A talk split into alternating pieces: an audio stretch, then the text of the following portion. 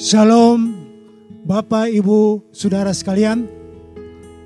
Selamat pagi untuk pertemuan ibadah online di Gereja GSKI Perdatang.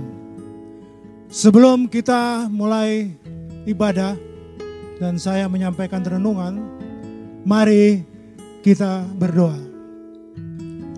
Bapa Surgawi, Bapa di dalam nama Tuhan Yesus Kristus, pada pagi hari ini kami anak-anakmu ya Bapak bersekutu bersama dalam situasi online untuk mendengarkan sebagian daripada kebenaran firman-Mu.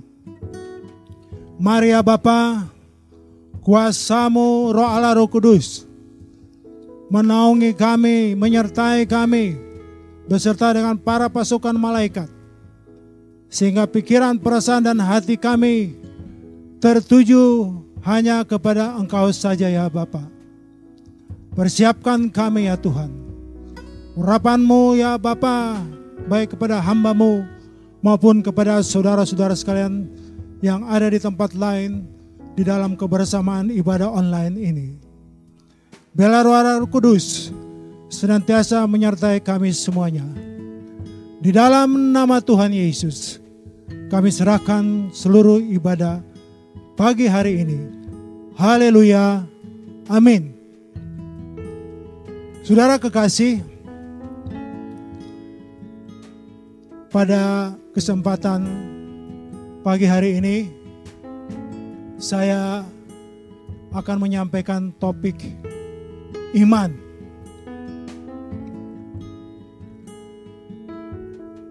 Tentu dalam situasi kita yang satu sama lain berbeda ya. Pikiran perasaan kita seperti apa masing-masing. Hanya saudara yang tahu sendiri. Tetapi yang pasti, yang umum sering terjadi sebagai umat percaya, pengikut Kristus. Secara umum, pikiran perasaan berpikir bagaimana berkat Tuhan senantiasa ada. Bagaimana ujung daripada hidup kita selesai akan selamat. Bagaimana hidup kita akan sempurna.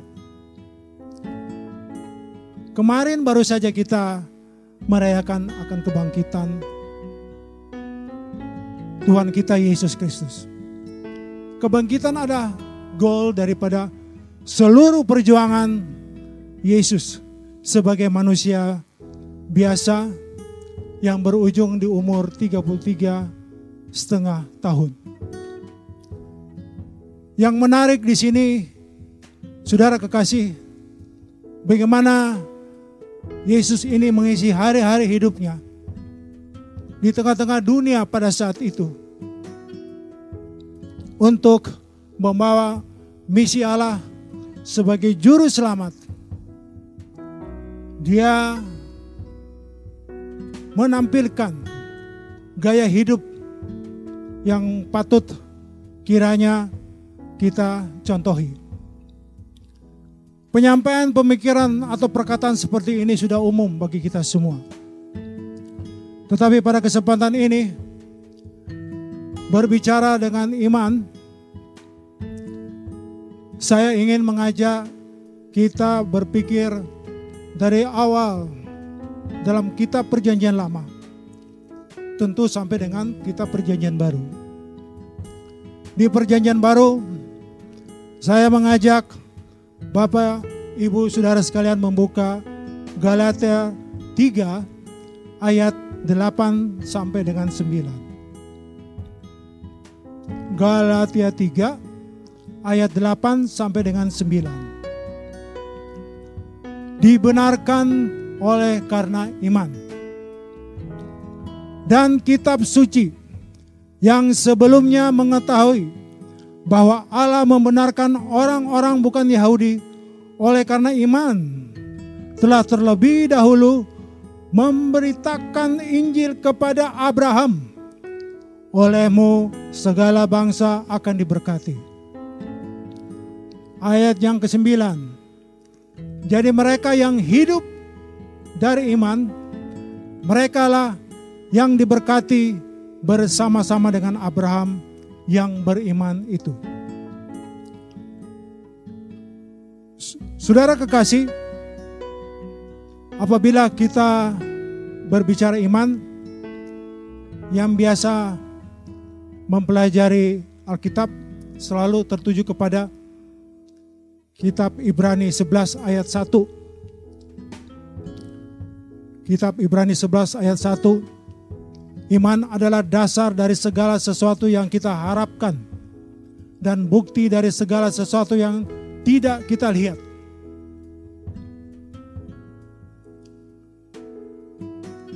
Dasar dari segala sesuatu yang kita harapkan dan bukti dari segala sesuatu yang tidak kita lihat.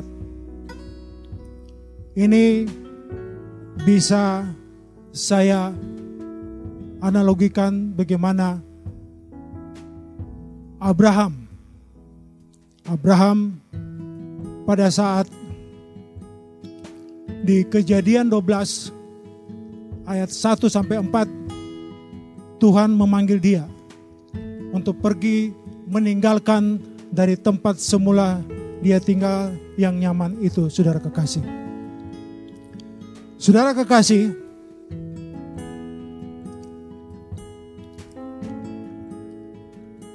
pada kitab Galatia pasal 3 ini, saya mengajak ibu bapak mundur ke belakang di ayat 2 dan 3. Bagaimana bagaimana uh, bunyi daripada Galatia pasal 3 ayat 2 ini? Hanya ini yang hendak ku ketahui daripada kamu. Adakah kamu telah menerima roh karena melakukan hukum Taurat atau karena percaya kepada pemberitaan Injil? Ayat 3, adakah kamu sebodoh itu? Kamu telah mulai dengan roh, maukah kamu sekarang mengakhirinya di dalam daging? Saudara kekasih, di dalam ayat 2 dan 3 di dalam Galatia 3 ini mengingatkan hidup kita seharusnya hidup oleh karena roh. Dimulai dengan roh, biarlah kita berakhir juga dengan roh. Ini Bila kita melihat di ayat 8 dan 9 di mana Abraham secara jasmani cukup saudara kekasih tetapi ia dipanggil Tuhan menuju tempat yang ia tidak ketahui. Artinya saudara kekasih, dengan kenyamanan hidup yang dia miliki, kalau boleh saya analogikan kepada dunia sekarang ini, yaitu kehidupan kita yang sudah mapan dalam hidup yang wajar.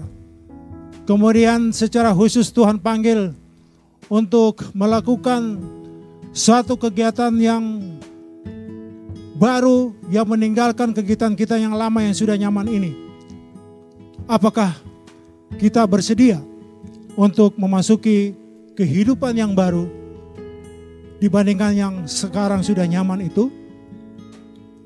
Itulah yang dialami oleh Abraham.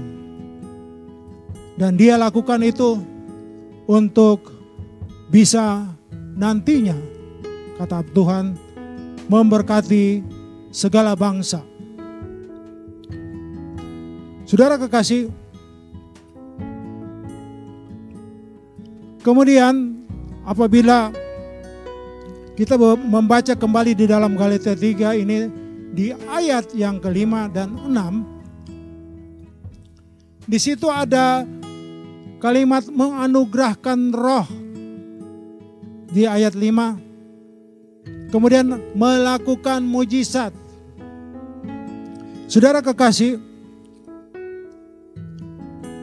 Yesus telah mati untuk kita dan dia telah bangkit. Dia anugerahkan roh kepada kita sekalian. Dan dengan roh itu sendiri kita dapat menikmati bahkan melakukan mujizat Tuhan. Saudara kekasih, persoalannya sekarang bagaimana kehidupan roh kita itu nyata. Kehidupan roh ini bukan semata-mata untuk bisa melakukan kuasa mujizat Allah, tetapi bagaimana membaharui kehidupan lama kita menjadi hidup yang baru dengan menggunakan roh Allah roh kudus dengan melakukan penurutan terhadap kehendak Allah.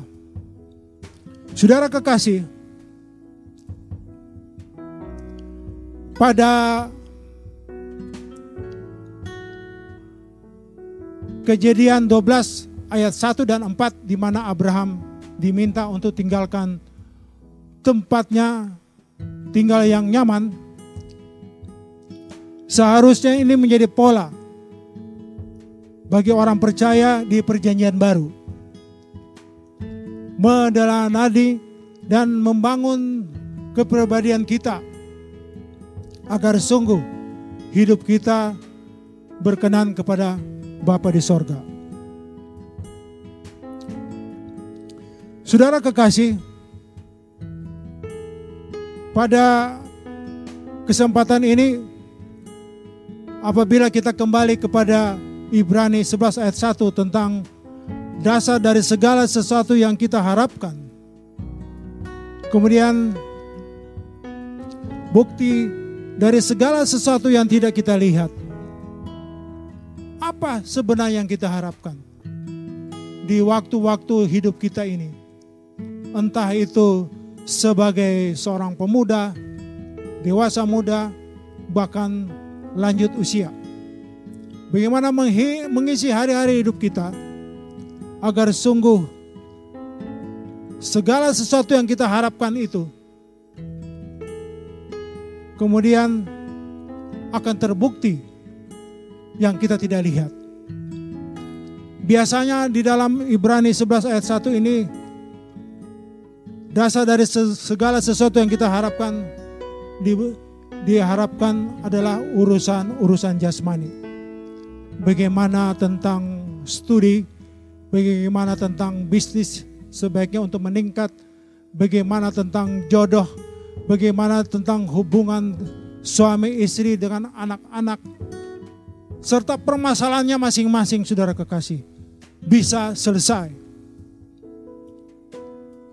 Kemudian pakai kata dan di situ, bukti dari segala sesuatu yang tidak kita lihat. Sebenarnya kalau berbicara tadi soal masalah di dunia itu akan kita lihat. Tapi dengan bukti dari segala sesuatu yang tidak kita lihat itu, itu mengarahkan kepada kita bagaimana untuk nantinya di langit baru, bumi baru sebagai perjuangan kita menumbuhkan, membangunkan iman kita untuk selamat dalam proyek keselamatan Allah dan sempurna sesuai dengan keunikan pribadi kita masing-masing di hadapan Allah. Saudara kekasih, apabila anda membaca Ibrani 11 ayat 1 dan berujung di ayat yang terakhir Ibrani 11 ayat 40. Saya akan bacakan. Sebab Allah telah menyediakan sesuatu yang lebih baik bagi kita. Tanpa kita mereka tidak dapat sampai kepada kesempurnaan. Ini luar biasa saudara kekasih. Kenapa saudara kekasih saya katakan luar biasa? Coba kita naik membaca ayat yang ke-39. Dan mereka semua tidak memperoleh apa yang dijanjikan itu. Mereka semua ini saudara kekasih kalau Anda saudara sekali membaca ayat-ayat sebelumnya, ya Henok, Elia, termasuk Abraham. Sekalipun iman mereka telah memberikan kepada mereka suatu kesaksian yang baik. Sekali lagi saya ulang, dan mereka semua tidak memperoleh apa yang dijanjikan itu. Mereka tidak memperoleh apa yang dijanjikan itu. Karena mereka hanya sebatas bagaimana bertindak meresponi perintah Allah langsung kepada mereka masing-masing. Tetapi berbeda dengan kita di zaman uh, umat zaman anugerah ini. Roh Allah Bapa sendiri hadir di pribadi kita masing-masing.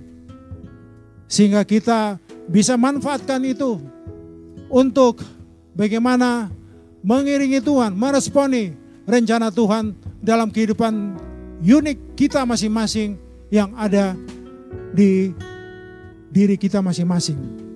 Saudara kekasih, di dalam ayat 39 ini akan berlanjut di ayat yang ke-40. Sebab Allah telah menyediakan sesuatu yang lebih baik bagi kita. Kita di sini adalah orang percaya zaman anugerah.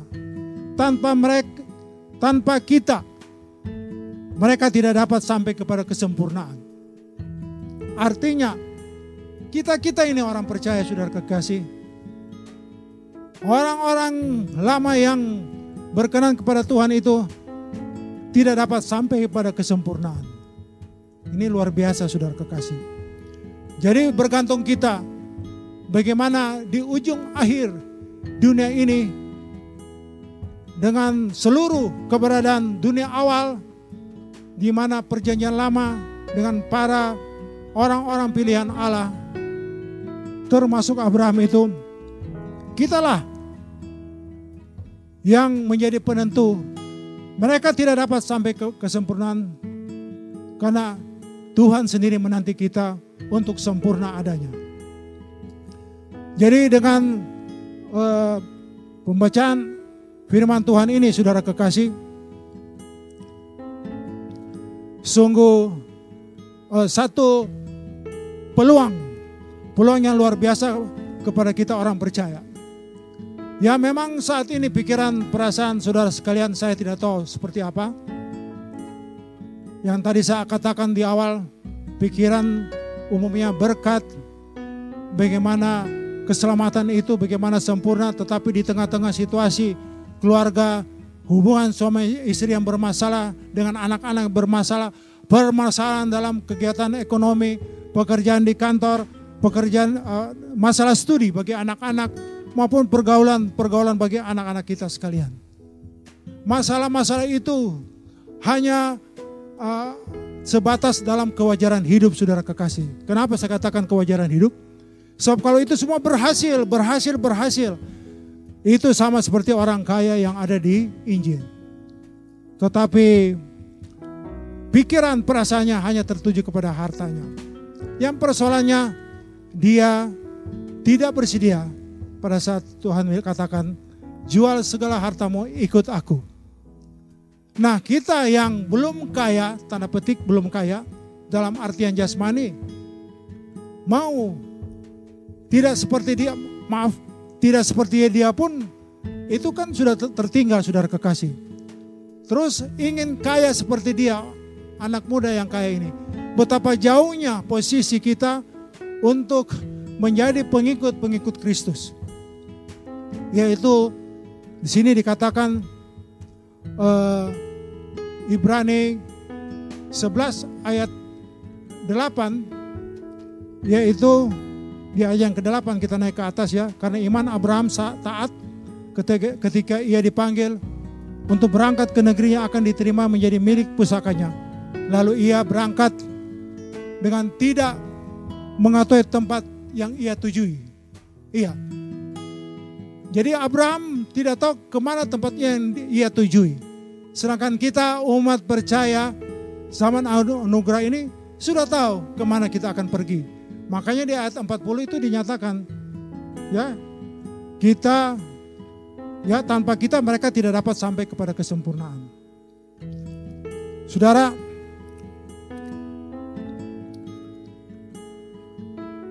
Bagaimana uh,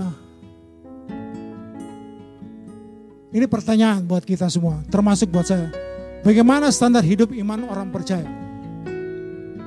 Ya, Kemudian setelah kita dibaptis itu kan perjanjian kepada Tuhan. Bagaimana hubungan pembuktian perjanjian kita kepada, Tuhan? Suami istri pun kita harus setia hubungan suami dan istri ya dalam kekeluargaan. Tapi ini perjanjian kontrak kekal dengan Tuhan itu bagaimana? Mohon direnungkan uh, kepada kita masing-masing. Kemudian kalau standar iman kita kita bisa evaluasi ya saudara kekasih.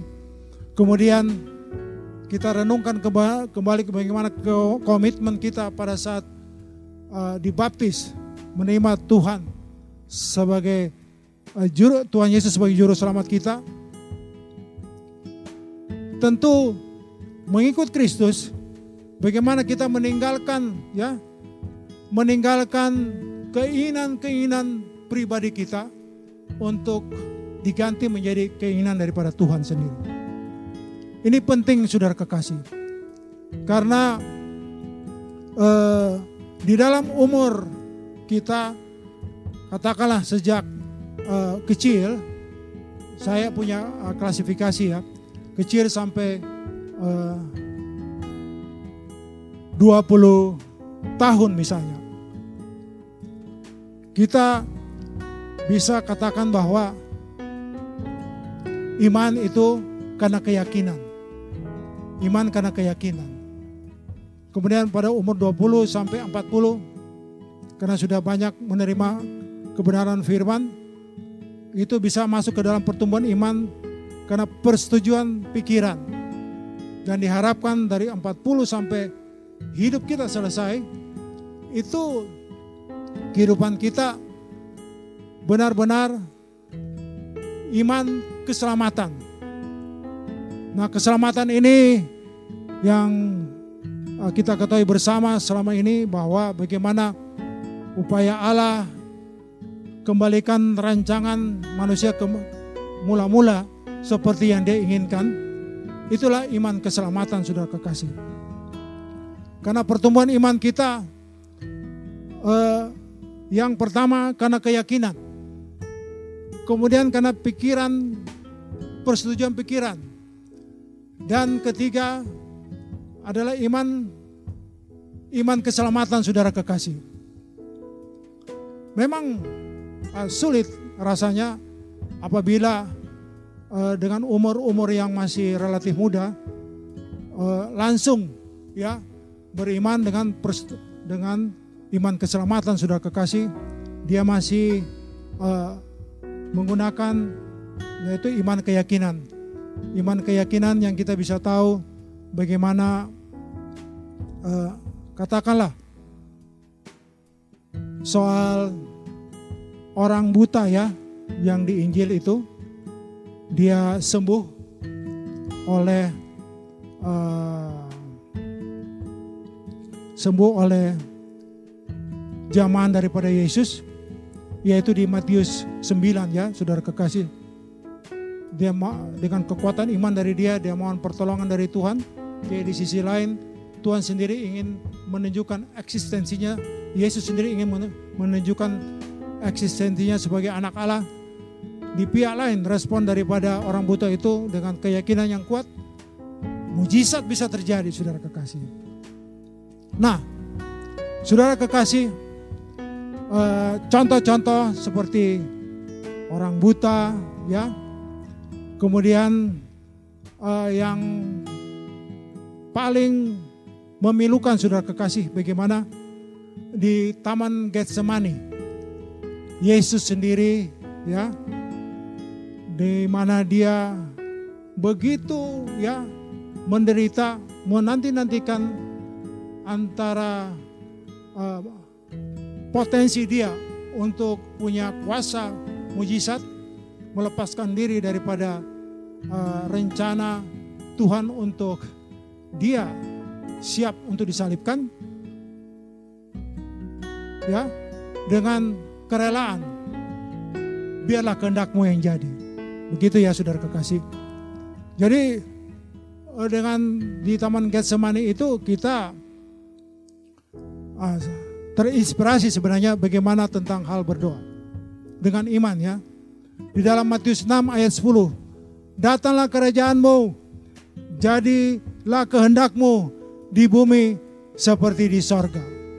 Jadi semua saudara kekasih dalam mengisi waktu kehidupan kita ya sebaiknya suasana kerajaan Allah itu kita uh, apa adakan saudara kekasih dan setiap aktivitas kita ya itu semua dalam rangka untuk menyelesaikan pekerjaan Tuhan. Jadi contoh apabila Anda uh, di dalam masalah dalam persoalan di uh, bisnis saudara kekasih, Anda mungkin dalam kondisi terjepit, berhutang, ya, biarlah itu semua bisa menjadi pelajaran. Karena hutang atau tidak hutang pun itu hidup tabur tuai saudara kekasih.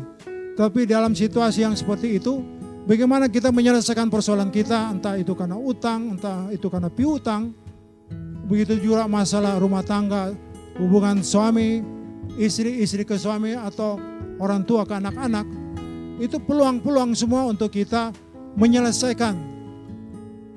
Ya, menyelesaikan dia dengan cara-cara rohani, saudara kekasih.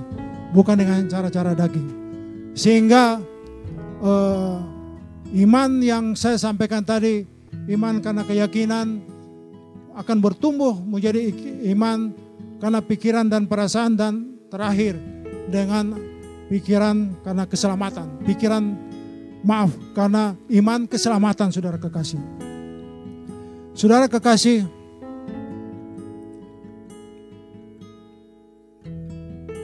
pada kesempatan ini saya ingin sampaikan juga bahwa bagaimana pada saat upaya uh, anugerah keselamatan yang Tuhan sampaikan itu kita akan responi dengan hidup kita berubah dari manusia batinnya lama menjadi manusia batinnya yang baru. Nah ini penting saudara kekasih karena eh, kehendak bebas ya, kehendak bebas kita sungguh amat sangat membuat peluang-peluang kita untuk tetap statis, tidak bertumbuh iman kita di dalam yakin saja, tetapi dalam perbuatan sesungguhnya tidak kita lakukan.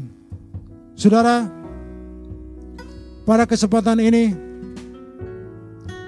segala sesuatu yang lain. Artinya kehidupan dunia ini, kewajaran hidup hanyalah sarana atau alat untuk memaknai hidup dalam keberimanan kepada Tuhan.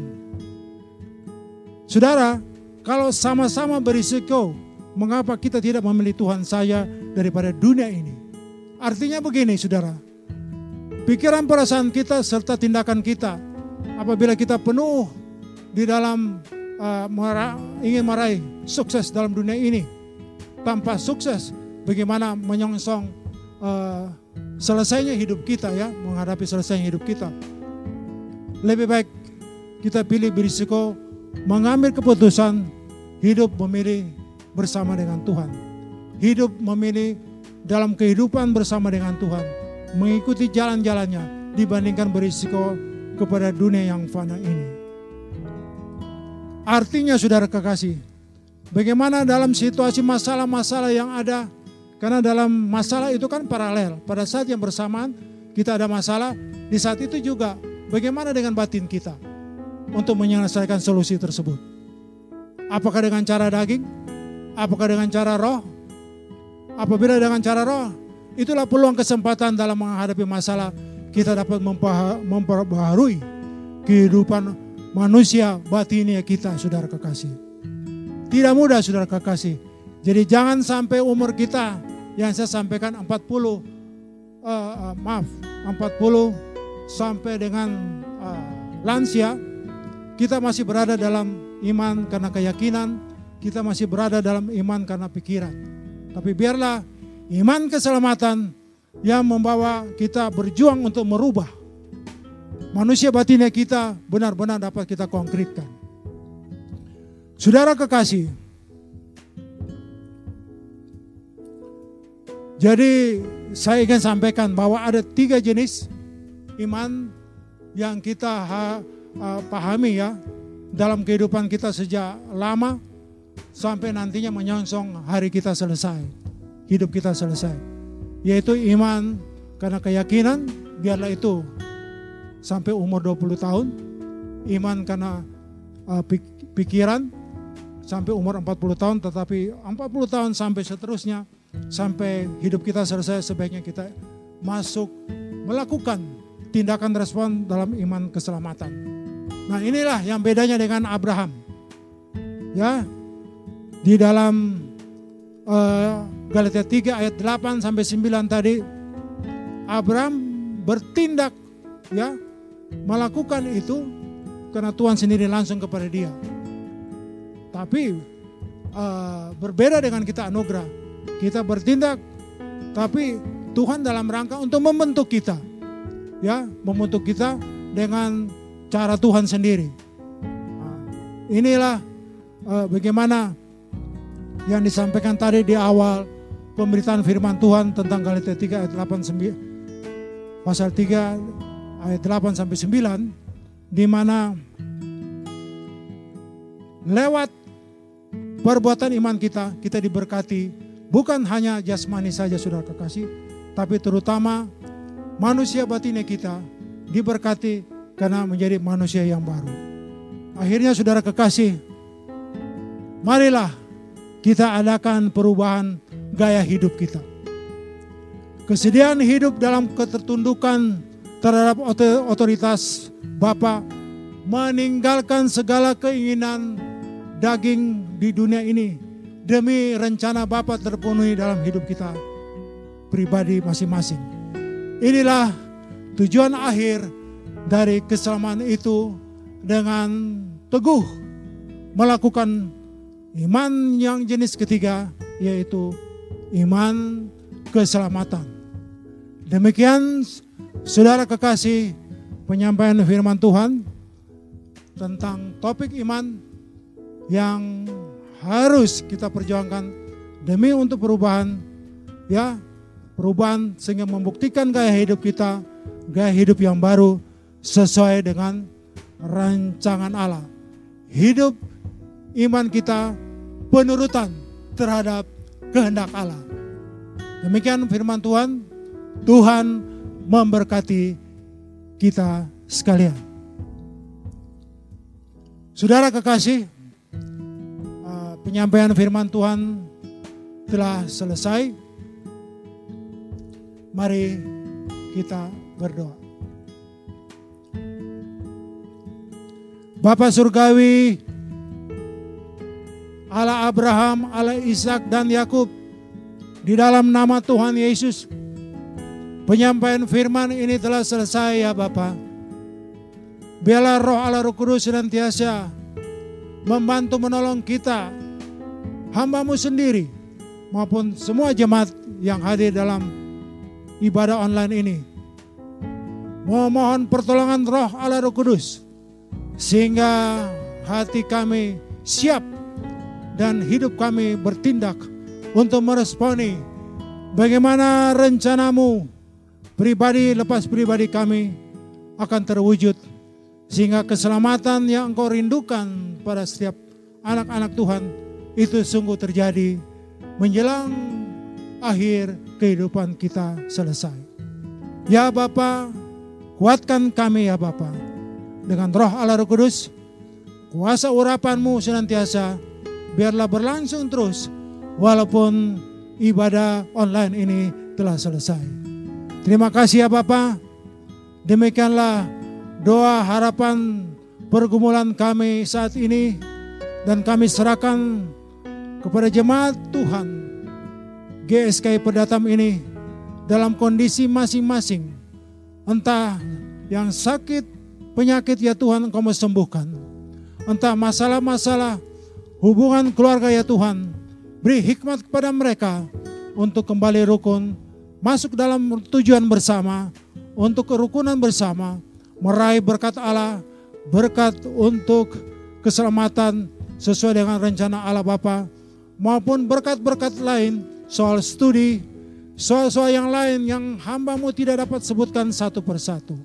Terima kasih ya Bapak untuk uh, firmanmu, terima kasih untuk anugerahmu, terima kasih untuk urapan kuasa roh Allah, roh kudus senantiasa dapat berlangsung terus dalam kehidupan kami.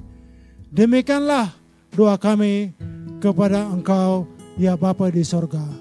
Di dalam nama Tuhan Yesus kami sudah berdoa dan mengucapkan syukur.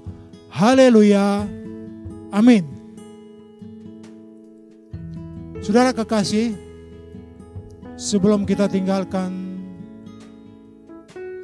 kondisi online kita, saya mohon kepada Bapa di sorga untuk memberkati jemaat sekalian. Kita angkat kedua belah tangan kita dan ya Bapa di sorga, izinkanlah hamba untuk memberkati jemaat Tuhan. Biarlah anugerah berkat dari Allah Bapa dengan persekutuan anaknya yaitu Yesus Kristus Tuhan. Dengan kuasa roh Allah roh kudus nyata menyertai memberkati kita sekalian untuk mengiringi kami berbuat sesuai dengan iman keselamatan kami dalam hidup kami masing-masing menjelang kedatanganmu ya Bapa. Terima kasih ya Bapa. Inilah berkatmu biarlah nyata dalam kehidupan umatmu saat ini sampai selama-lamanya. Haleluya. Amin.